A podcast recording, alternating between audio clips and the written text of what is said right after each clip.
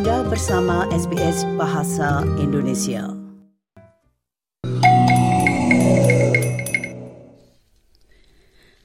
Jika Anda baru saja bergabung, Anda bersama SBS Audio Program Bahasa Indonesia. Sekali lagi untuk dengar ulang untuk podcast, Anda dapat kunjungi situs kami di www.sbs.com.au garis miring Indonesian.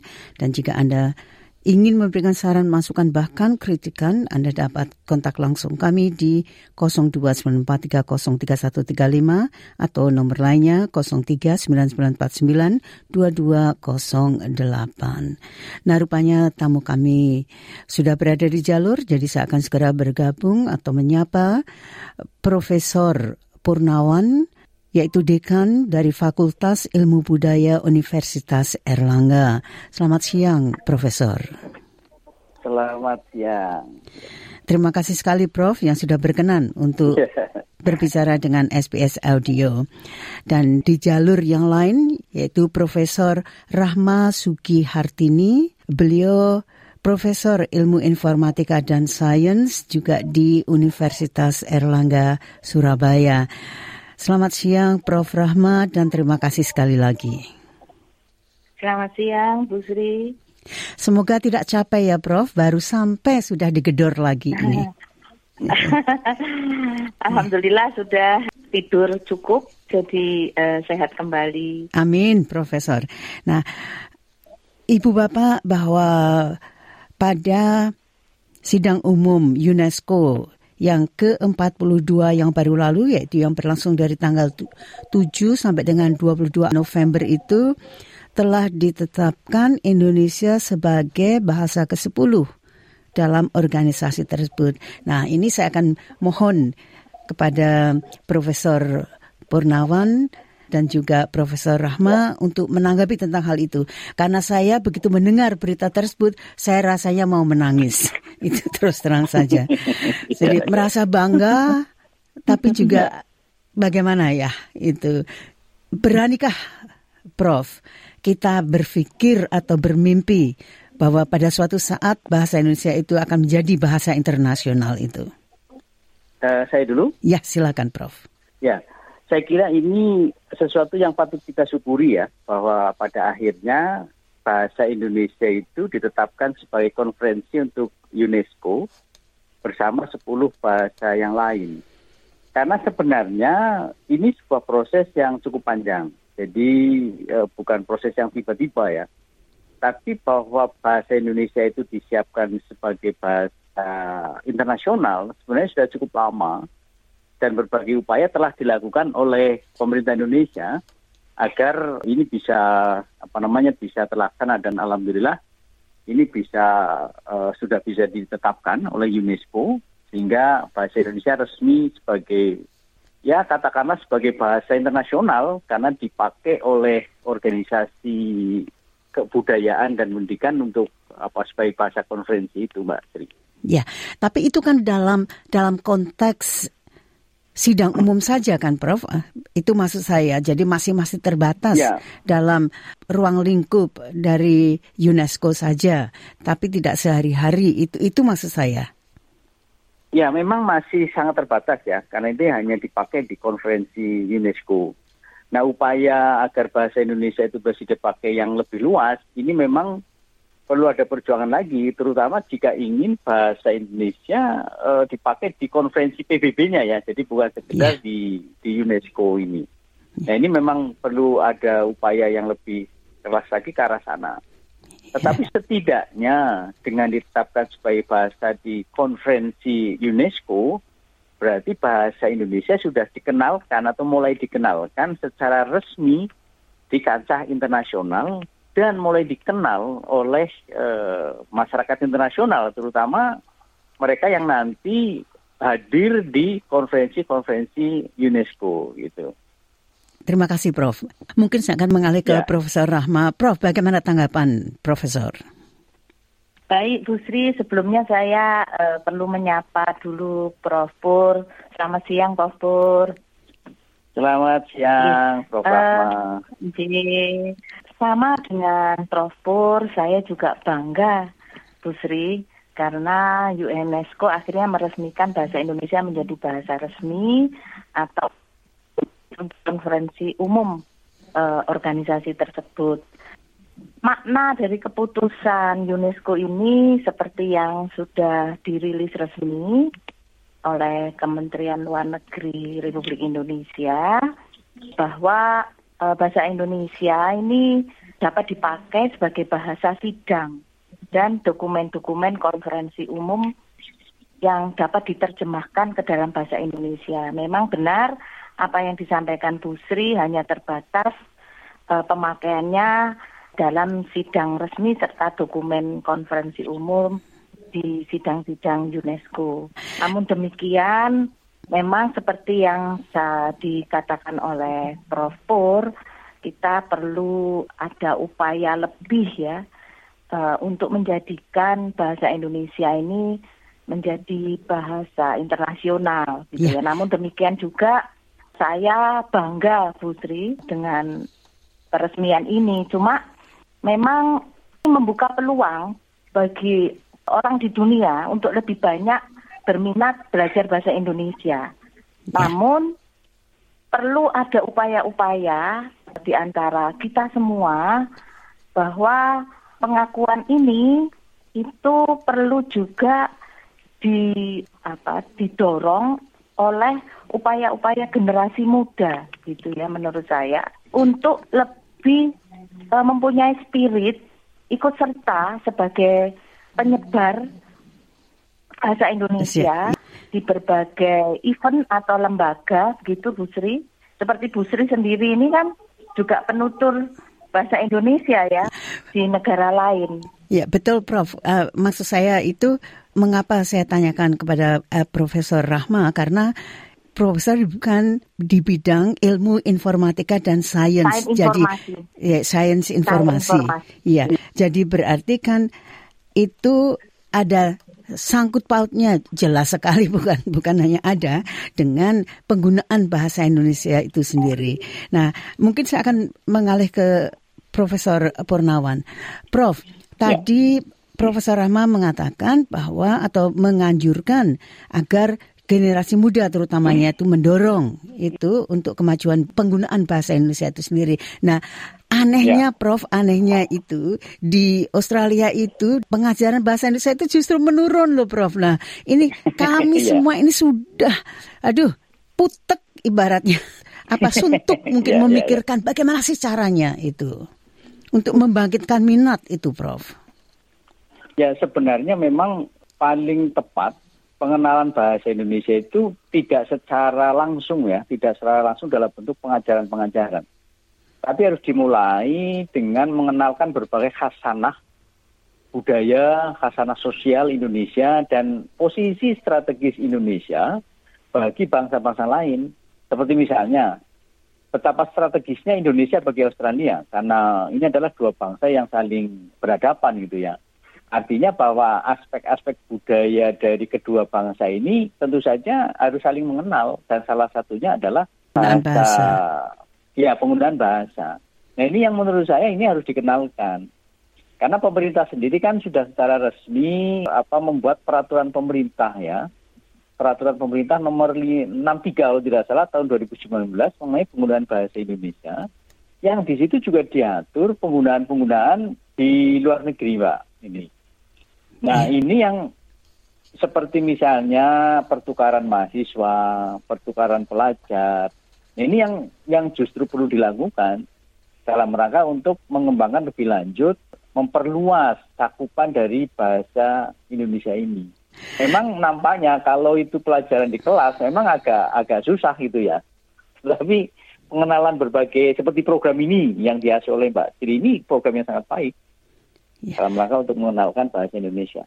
Terima kasih Prof. Prof Rahma, ya.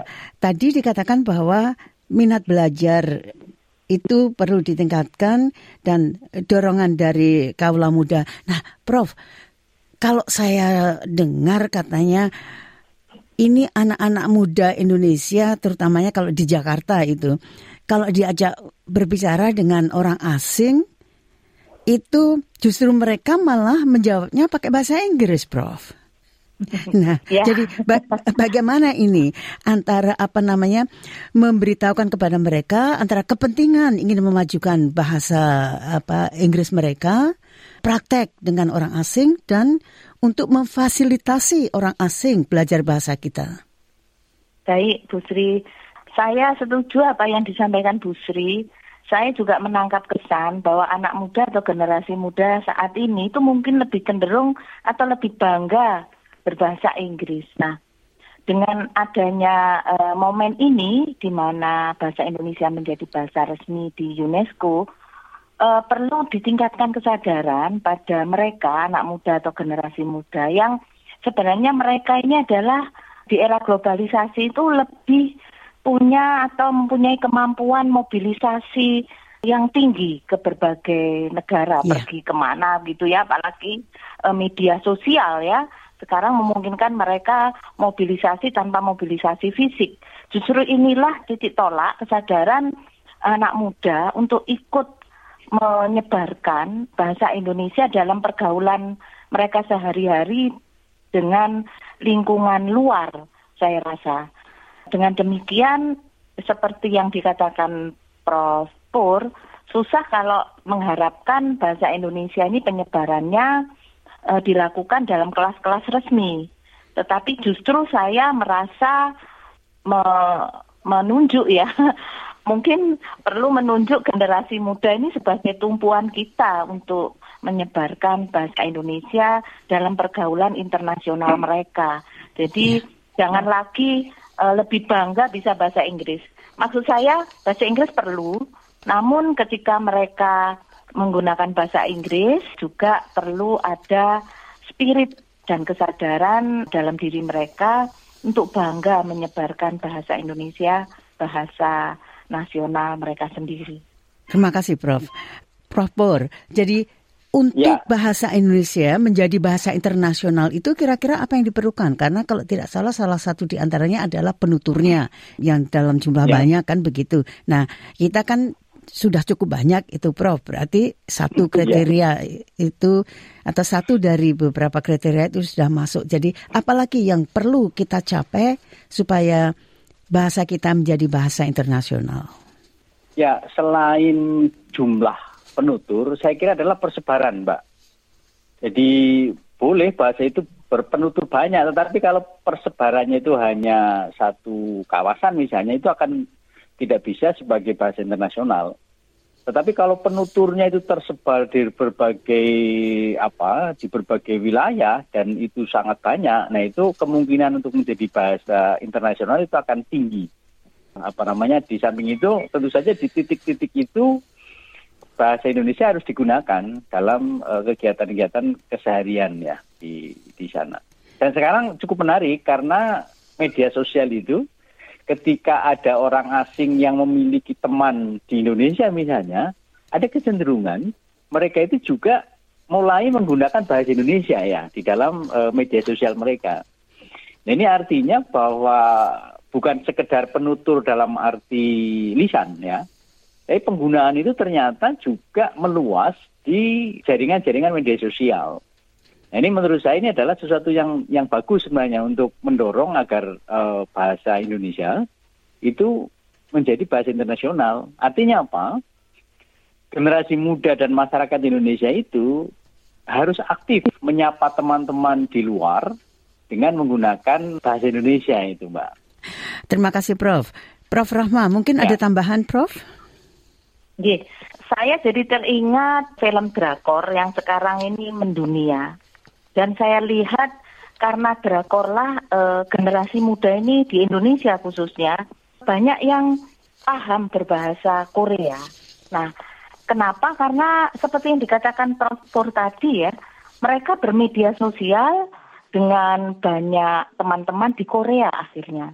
Nah, oleh karena itu saya juga bisa atau berani membayangkan kalau Indonesia saat ini yang memiliki status sebagai negara dengan jumlah penduduk terbesar keempat di dunia, pasti juga akan bisa disebarkan bahasa Indonesia itu uh, ke segala penjuru dunia, baik melalui fisik maupun media sosial. dengan generasi muda sebagai penggeraknya. Saya kira begitu Bu Sri. Jadi ya mobilitas yang paling tinggi ini sekarang kan generasi muda ke segala penjuru dunia.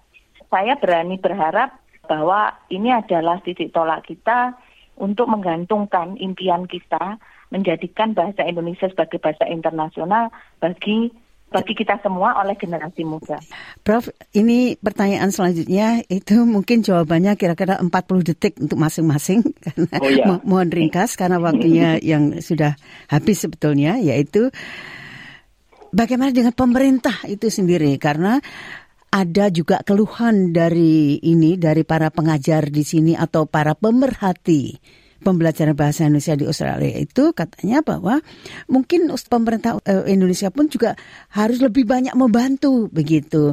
Nah, kalau ya. dari saya sendiri misalnya kalau itu seperti bahasa Jepang, bahasa Cina ataupun bahasa eh, Korea atau bahasa yang lain itu, itu mereka mempunyai apa yang dinamakan pusat kebudayaan atau semacam atau sekolah begitu. Tapi kalau di sini memang ada sekolah bahasa Indonesia Victoria, pemerintah Victoria atau yang didanai oleh pemerintah Victoria bukan oleh ya. pemerintah Indonesia. Silakan Prof 40 detik.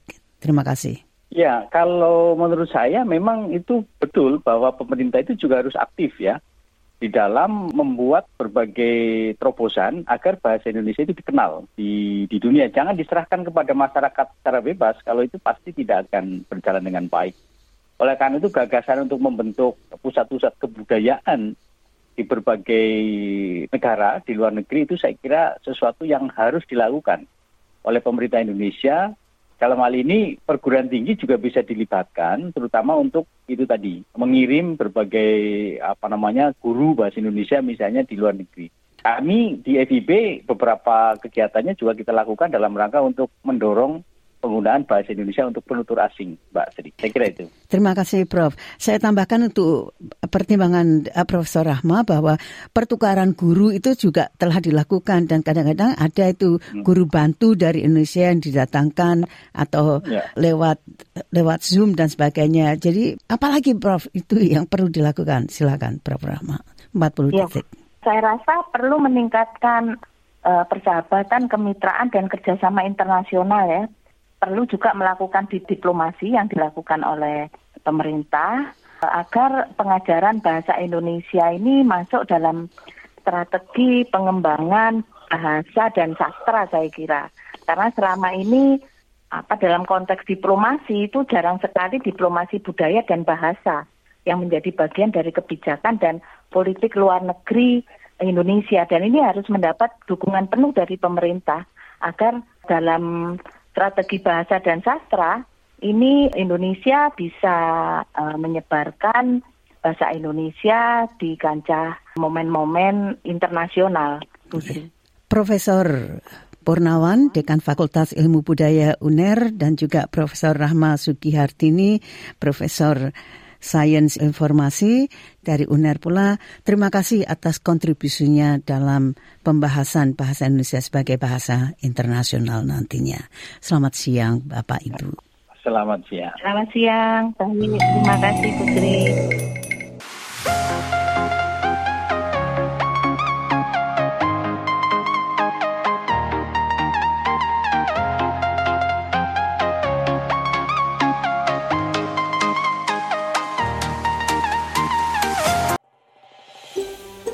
Anda ingin mendengar cerita-cerita seperti ini? Dengarkan di Apple Podcast, Google Podcast, Spotify, atau di mana pun Anda mendapatkan podcast Anda.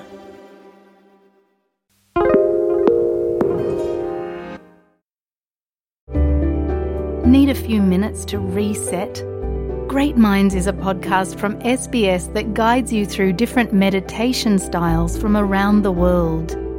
Listen wherever you get your podcasts.